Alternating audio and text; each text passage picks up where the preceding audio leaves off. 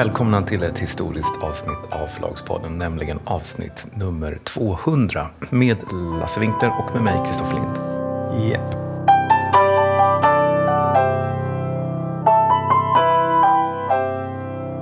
Snart sex år. Det är lite märkligt. Ja, det är faktiskt lite märkligt. Plötsligt är det en bit av ens egen historia. Det Ja. som började som en idé. Kommer du ihåg hur du började? Mm, det minns jag mycket väl. Ja, berätta då. Nej, men vi hade, det, det började med att eh, du hade den här scenen, Lasse Winkler-scenen på Bokmässan och eh, intervjuade författare. Och sen så ville du intervjua mig och, eh, för att prata om liksom, varför ger man ut vissa böcker och varför ger man ut, inte ut andra böcker. Och, så där. och det blev väldigt populärt. Och då föddes en idé, jag tror att den kom hos mig först, att vi skulle ha en podd. Som Den var, kom från dig. Den kom Ja, men att det skulle vara en podd som var en Lind Company-podd. Liksom, att du skulle hålla i den podden.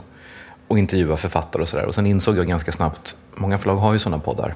Och det kan funka. Jag tycker Pelle Andersson på Ordfront gör något bra av det. För han har en, också en utgivning som är väldigt mycket samma typ av liksom, böcker och sådär. Problemet med andra stora förlagspoddar, även förlag som Penguin och så, som gör dem otroligt professionellt, det är att poddarna blir helt ointressanta. För att en dag så är det en intervju med Kerstin Ekman, andra dagen är det en intervju med Sofie Sarenbrant.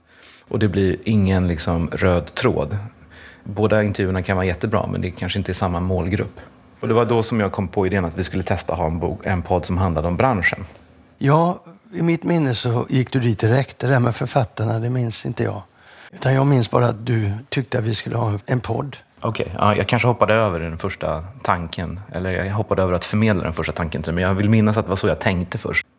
Och att det var först där på Bokmässan som jag insåg att det där funkade ju väldigt bra. Vi kanske kan göra en podd. Podden har ju ändå förändrats. För att jag tror att tanken, din tanke kanske i synnerhet när vi startade var att jag skulle gräva där jag står. Och att liksom podden skulle bygga väldigt mycket på mina erfarenheter. Och det är klart att den kanske gör delvis. Men det har ju blivit väldigt mycket mer en nyhetspodd än vad vi trodde. Absolut. Den har ju förändrats i flera omgångar. Ja. Och där upptäckte vi också en stor förändring när vi gick från att göra varannan vecka till varje vecka. Att å ena sidan så ökade arbetsinsatsen för båda, men det blev en, en större kontinuitet som ledde till ett, en bättre nyhetspuls och bevakning och uppföljning som också gjorde att den blev mer av en nyhetspodd. Och så med, med åren så har vi också fått tips från folk som har lyssnat och kan inte göra en sån typ av, ett sånt typ av inslag, kan inte göra ett sånt typ av inslag. Ofta är det väldigt bra idéer. Till exempel nu har vi den här påbörjat en serie med intervjuer med människor som varit i branschen länge. Och där du går in och intervjuar. Det tycker jag är lysande. Mhm. Ja, vi får se. Nu kommer det snart Per Gedin.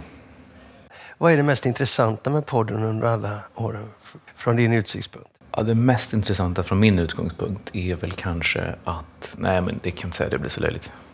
Och säg det. Nej, men jag vet inte. Jag tycker det är kul, jag har ju, jag tycker det är kul att göra någonting annat. Jag tycker att jag har en förlagpods identitet som skiljer sig från min Lind Company-identitet. Jag tycker det är kul att göra det med dig. Jag kul, tycker det är kul att ha en kollega på ett annat sätt än mina andra kollegor. Det tycker jag är det roligaste.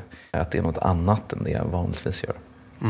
Och sen också att man kanske på ett annat sätt, eh, och det hör ju ihop naturligtvis, men vi samlar ju hela tiden material. Ibland är det jobbigt att få ihop materialet. Många gånger kan det vara ganska lekfullt. Ibland har vi ingenting. Alltså vi hade, I förrgår hade vi väldigt lite och nu har vi ganska mycket. Och det beror ju på att man, man hela tiden söker och letar efter material. När, man, när jag läser recensioner eller artiklar eller kolumner eller när jag kan titta på saker eller när jag bara allmänt liksom upptar vad som händer i min omgivning så kan jag ibland tänka att det där är intressant, det skulle vi kunna göra en grej av. Eller det där är, klokt tänkt, det kan vi ta upp. Så att det blir också en, man blir mer nyfiken. Eh, man kan använda saker på ett annat sätt och man läser på ett annat sätt. Eller liksom tar in information på ett annat sätt. Det är kul. Mm. Jag tror aldrig jag har haft så roligt som nu. Nej. Om jag tittar igenom mina yrkesår. Och jag tycker att det är spännande och jag tycker att det är lite märkvärdigt också att oj, folk lyssnar på oss. Ja, det är kul. Det är, det är man inte van vid, men vad gäller det där med vad är journalistik och inte så kan man väl säga att det, det är klart att alltså, jag kan ju ibland uppleva att min insats inte är journalistisk. Utan jag sitter oftast bara och analyserar och tänker och, och berättar om mig själv. Och det kan ju vara journalistik på ett sätt. Men även för mig så innebär ju podden ganska mycket arbete. Nu när jag har gjort de här intervjuerna så upptäcker jag också hur mycket tid det tar. Även om det är personer som man tycker att man kan väl och, och känner till väl så vill man inte komma oförberedd. Det tar tid att förbereda sig, det tar tid att gå dit, det tar energi att vara där. Så det är ju mycket jobb. synnerhet för dig, men det är mycket, det är mycket jobb. Det är mycket jobb, men det håller ju mig så här relevant också. Jo. Jag tycker det är, är så spännande. Och det är också spännande att se hur vi har blivit mottagna i branschen. Folk är öppna och pratar. Det tycker jag är, är, är mycket... Jag tycker det är väldigt eh, roligt också. Man är från Förlagspodden och folk säger ja. Och så lyssnar de och så pratar de. Inte alltid, men ibland. Är det kontroversiellt så är det som alltid så att Ja. folk tycker det är jobbigt att prata. Men för det mesta när jag kommer och eh, ringer runt eller vandrar runt så... Det var ju väldigt roligt när vi var i Finland. Eller hur? Vi var ju välkomnade på ett sätt som inte jag hade varit om jag hade åkt ensam till Finland. Nej, jag tyckte det jag var... hade inte varit välkommen på samma sätt om jag hade varit där som Kristoffer Lind, Linde Company. Liksom. Det var Nej. väldigt kul. Ja, det var väldigt kul. Mm. Så är det. Nej, men nog om eh, självberöm och så nu då. Ja, verkligen. Det här är alltså avsnitt 200 och det tänkte vi fira lite på, eller fira och fira, vi tänkte uppmärksamma det lite på Bokmässan. Då försökte hitta former som kan fungera. Och då är det så att vi kör igång scenen på Lind Companys, i Lind Companys monter med ett samtal från Förlagspodden, du och jag, klockan två på torsdagen. Och då tänkte vi att vi öppnar redan 13.30. Och då har vi en så kallad öppen mick där ni som lyssnar nu som vill komma dit och antingen ställa frågor, kritisera oss eller ge oss tips är välkomna. Och använda den här mikrofonen. Och ni behöver inte vara med i programmet, men ni får gärna vara med i programmet. Så 13.30 torsdag i Lind Companys monter har vi öppen mick i en halvtimme. Den kan förlängas om vi märker att det är stort tryck. Det sänds ju inte direkt utan vi samlar på oss material. Vi samlar på oss material och eh, vi klipper och, och vi har kontakt med er så att ni är medvetna om vad vi gör då. För just det kan vi inte sända direkt. Vi har ingen, ingen lina ut. Eller rätt sagt, vi har ingen publik 13.30 på torsdag. Alla är på Bokmässan, är vår publik. Nästa. Eller många. Är det något mer vi behöver tänka på? Nej. Det är bättre att de skickar presenterna för det är så jobbigt att ta med sig presenter hem från Göteborg. Och det är roligt då. Det är samma sak med manus. Skicka manus. Nej, jag skojar. Men förr i tiden var det väldigt mycket folk som kom med manus, fysiska manus. Och det var det värsta som man kunde få. Liksom. Det var, vi hade liksom en stor hög med manus som man skulle ta med sig hem. Ja, men vi lever i digitala tider. Du behöver Ja. inte tänka på det. Nej. faktiskt. Jag tror också att folk eh, som lyssnar och som är intresserade, om ni har idéer på vad vi ska utveckla på det, så hör gärna av er. Jag fick ett sånt samtal häromdagen. Då fick jag tipset att vi skulle börja titta tillbaka lite på det vi har gjort. Vad hände sen? Vi har haft en del saker. Vad hände sen? Vad blir konsekvenserna? Det ska vi försöka göra. Vi säger inte att vi gör det, utan vi måste titta tillbaka i materialet och se vad har vi som fungerar. Men det är en rolig, ett roligt uppslag. Korta ja, det, uppslag. Ja, det är roligt. Ja, så det ska vi göra. Sen har vi några sådana uppslag till. Och det är till exempel, varför heter det så? Det finns alltså företeelser i bokbranschen som har namn som man undrar var kommer de ifrån. Den är bra. Den är bra, ja. Och då Jag har tänk... nog flera som jag undrar över. ja. Men då tänkte jag också att folk som lyssnar nu får gärna höra av sig till oss med frågor. Vilka företeelser de vill att vi ska gräva i. Så gör vi det.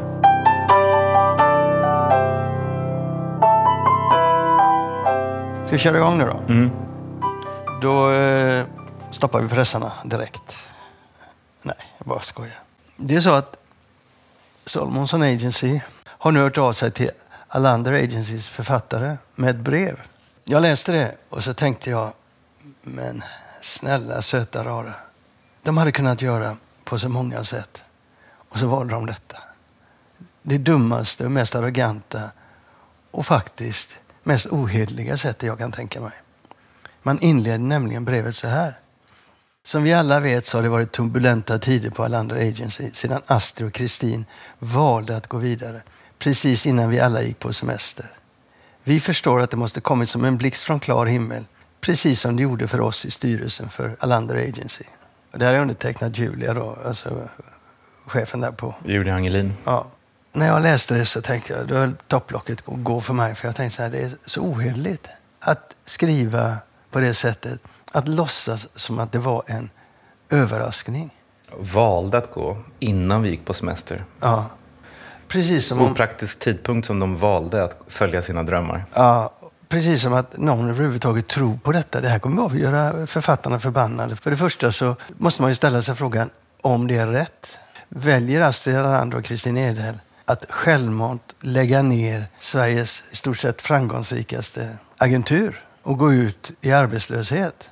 Bundna av ett eh, avtal att de inte får lov att prata och med ett yrkesförbud inom citationstecken. Bara sådär. Det är ju ingen som tror på det. Och alldeles för många vet om den här konflikten, hur den, som vi pratade om i tidigare avsnitt av, av Förlagspodden. Ja, jag tycker det är ryggradslöst. Jag tycker det är fantasilöst. Fast det är ju helt i linje med hur man har kommunicerat allting kring det här tidigare. Så det är väl inte konstigt att ett sånt där mejl kommer. Nej, men de hade kunnat göra på tusen olika sätt. Man kunde hänvisa till situationen och sagt att vi är ledsna för att det ser ut som det gör. Nu ska vi ta tag i detta tillsammans. Ja, så hade man kunnat säga. Man behöver inte förolämpa eh, Astrid Lander och Kristin Edstedt överhuvudtaget. Det är ju lite förolämpande av författarna också. Att ja, man, av deras in... intelligens. Ja. Men det där kommer ju bara liksom att skapa irritation. Och det skapar ju en misstroende mot en sån ledning. Så, ja, ja, good luck med det, tänker jag. Det där är idiotiskt utspel. Ja, ja vi får följa och se vad som händer. Ja. Det var en kortis. Ska vi ta de andra frågorna? Mm, mm.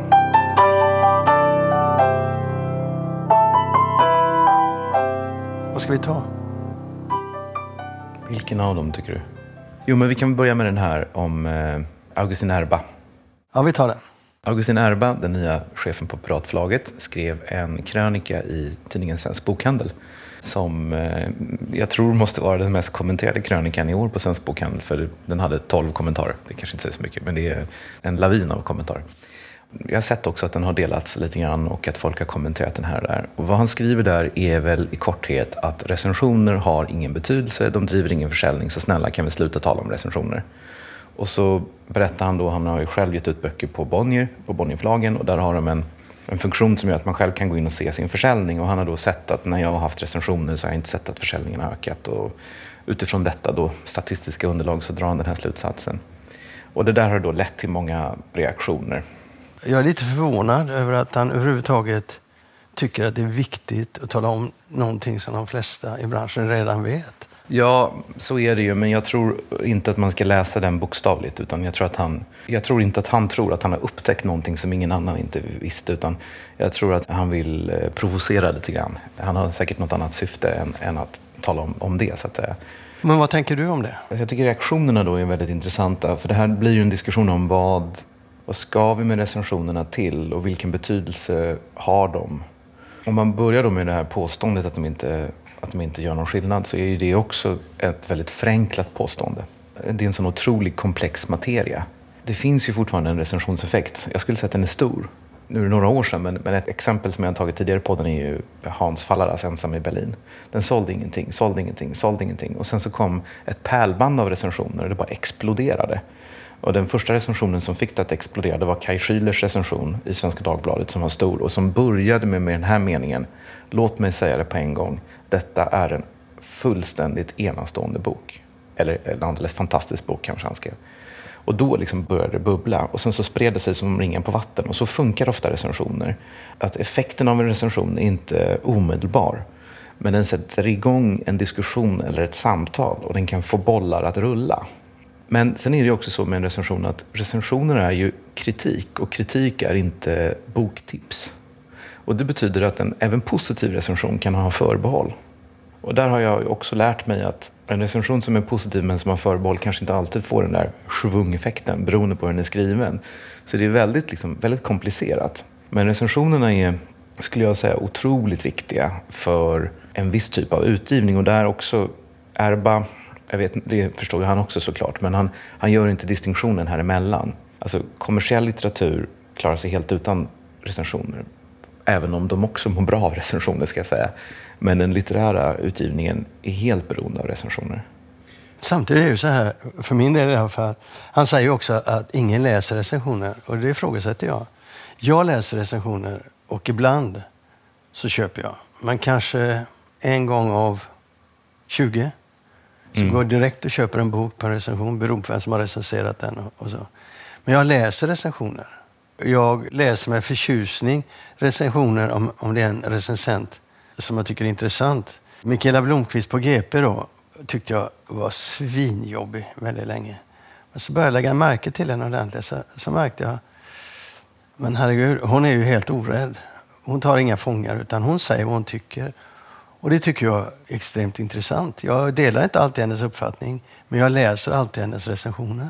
Ja visst, det finns ju recensioner som är eh, recensenter som är läsvärda bara för att de skriver så kul och så bra oavsett om man är intresserad av boken eller inte. En ja. sådan recension var Fredrik Sjöbergs recension om den nya biografi om eh, Jörn Donner. Den, den, var, den var fantastisk rolig att läsa.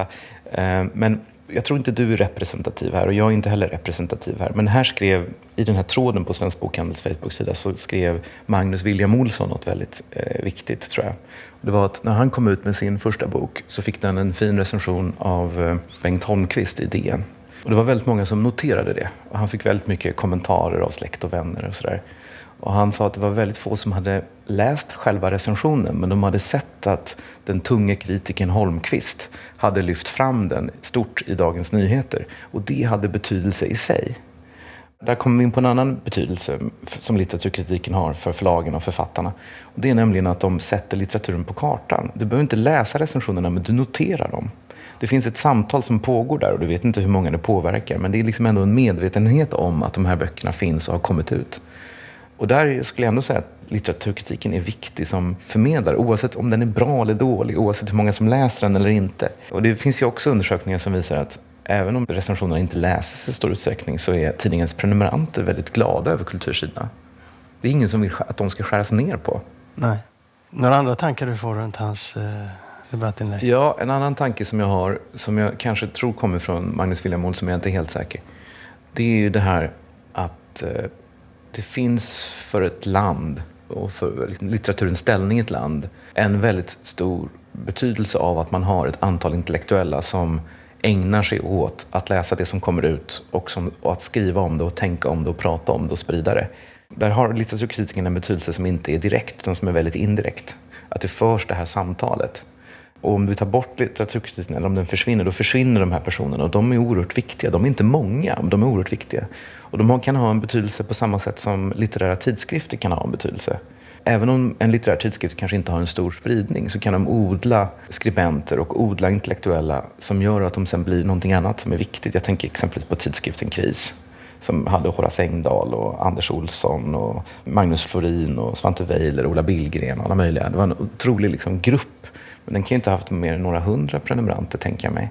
Så att jag tycker nog att man ska inte liksom man ska inte förenkla och det tror jag inte Erba var inne på. Men det är en sån allvarlig fråga tycker jag med litteraturkritiken. Men för de flesta författare så är det klart att en recension inte leder till försäljning. För eh, liksom, deckarförfattare som knappt recenseras överhuvudtaget så betyder det ju naturligtvis ännu mindre. Ja, men uppmärksamheten betyder det någonting. Ja. Att synas i offentligheten tror jag betyder ja, mycket jag för håller författare. med om det. Jag håller med om det. Jag tror att det är jätteviktigt. Och där tror jag, jag när jag gjorde intervjun med Per Edin så slog som jag, kommer snart. Som kommer, ja, precis. Så slog jag på honom i Dagens Industris arkiv. De har en väldigt bra sökfunktion. Och då fick jag upp lite träffar. Och det gjorde att jag tittade på äldre utgåvor av Dagens Industri. 20 år gamla, eller 30 år gamla kanske de var. Ja, ännu äldre också. Och det intressanta var att de hade alltså recensioner där av böcker på, för, för 25 år sedan. Inte varje dag, det var väl på fredagar kanske eller på lördagar. Men då hade de längst bak i tidningen så hade de fyra, fem böcker som recenserades. Och det var skönlitterära böcker, det var Rådström och det var alla möjliga saker. Och sen så var det kanske någon biografi sådär. Jag hade en bokkrönika eh, i Dagens Industri. Ja, för kanske 15-20 år sedan. Ja. Där jag eh, lyfte upp böcker. Mm i en krönikeform så att säga. Så det, var, ja. inga, det var inga regelrätta recensioner. Jag tror att sådana där saker, även om de inte läses av många, betyder så otroligt mycket.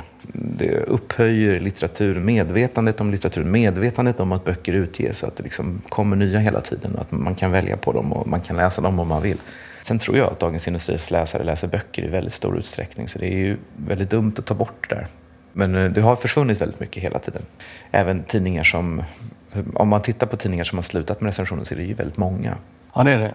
Väldigt negativ ton att sluta på ämnet på, men vi gör det. Eller? Ja, vi gör det och då med knorren att man kan inte bara konstatera att här har vi en recension och sen säljer vi inga böcker utan att det är liksom en större, det bidrar till något större än, än den enskilda bokförsäljningen.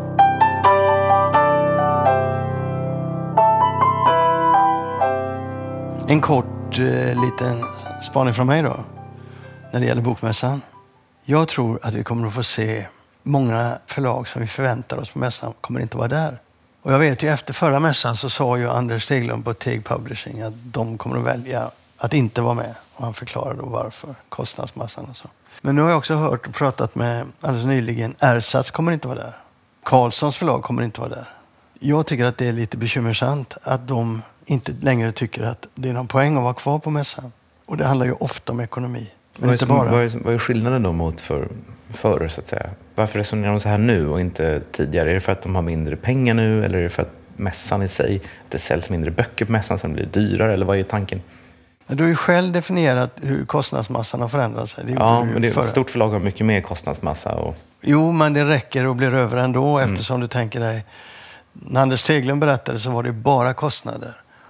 Och marginalerna för, för honom var ju sådana att han, han hellre la de pengarna på att ge ut en bok. Och det är svårt att komma undan de kostnaderna, en del av kostnaderna. Och sen handlar det också om uppmärksamhet och förmågan att förvalta författarskap och så vidare. Jag tror ju att mässan också får eh, fundera lite grann på hur de väljer författarskap, vad de lyfter fram författarskap. Alltså att mer arbeta med små förlag som ger dem motivation att komma. Mindre förlag har ju svårare att betala för att få dit en, en författare, till exempel. mm. Och jag kan ju tycka, nu vet inte jag exakt hur det är nu, men jag vet hur det var tidigare, att mässan är beroende av att förlagen betalar. Jo. Och då blir det de stora förlagen som har råd Men det handlar inte betala. också om att mässan vill ha de stora namnen? Alltså, de författare som mässan har ett intresse av att dra dit, det kanske inte betyder ingenting vilket förlag de kommer ut på. De vill ha de största namnen, de största publikmagneterna så att säga. Ja, men samtidigt, och nu har man ju ett bra program. Det ska man ju inte säga emot om man har sina ämnen så att säga. Va? Men jag vet ju till exempel så har jag, gjort ett, ett, har jag haft ett samtal med Ola Wallin nu som kommer i podden längre fram. Och de ger ut 19 böcker i år På ersatt. på ersats. Ja. Och det är ju helt uppenbart att det är en vitalisering utav en region som vi sällan ser. Givetvis Ukraina, Ryssland, Georgien, Bulgarien. Och det behöver man inte ha ett program som man satsar på utan det ska man ha fingertoppskänslan och säga oj, det där är intressant, det ska vi hjälpa till att lyfta. Det samtalet ska vi ha här. Och så ändå lägga lite fokus på ett sådant samtal. De här författarna och de här regionerna börjar ju bli väldigt viktiga för oss att förstå. Eller hur? Mm. Det kommer ju böcker på fler förlag från de här regionerna. Så det skulle jag tyckt att man hade som, inte ett fokusområde, men jag kommer ihåg när jag har suttit på Bokmässan på sådana här seminarier och gått hem och varit fullständigt lycklig över ämnena man hade valt eh, och de samtalen man lyfter fram i offentligheten. Det blir lite strömlinjeformat annars.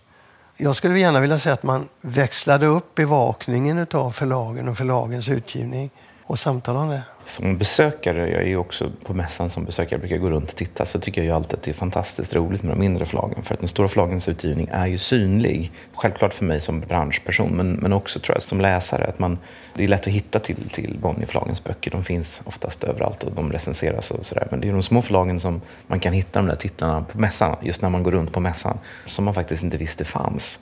Så det är väldigt tråkigt att höra att de försvinner, för då, då tycker jag att mässan tappar lite sin själ. Jag tycker också det. Jag har funderat lite på det. Då. Det kan inte bara vara en fråga om ekonomi, utan det handlar om frågan om idéer också. Mm. Så att man mycket går ner djupare och eh, tar kontakt med förlagen. Vilka böcker kommer ni ge ut och varför kommer ni ut dem? Och hur tänker ni? Hur ser er omvärldsbevakning ut?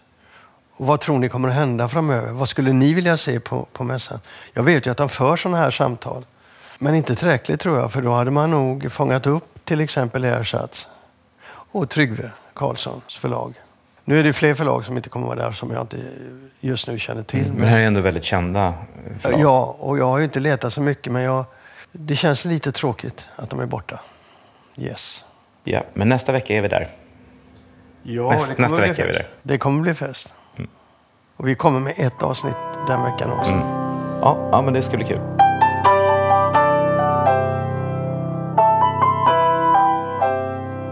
Det var allt vi hade för idag.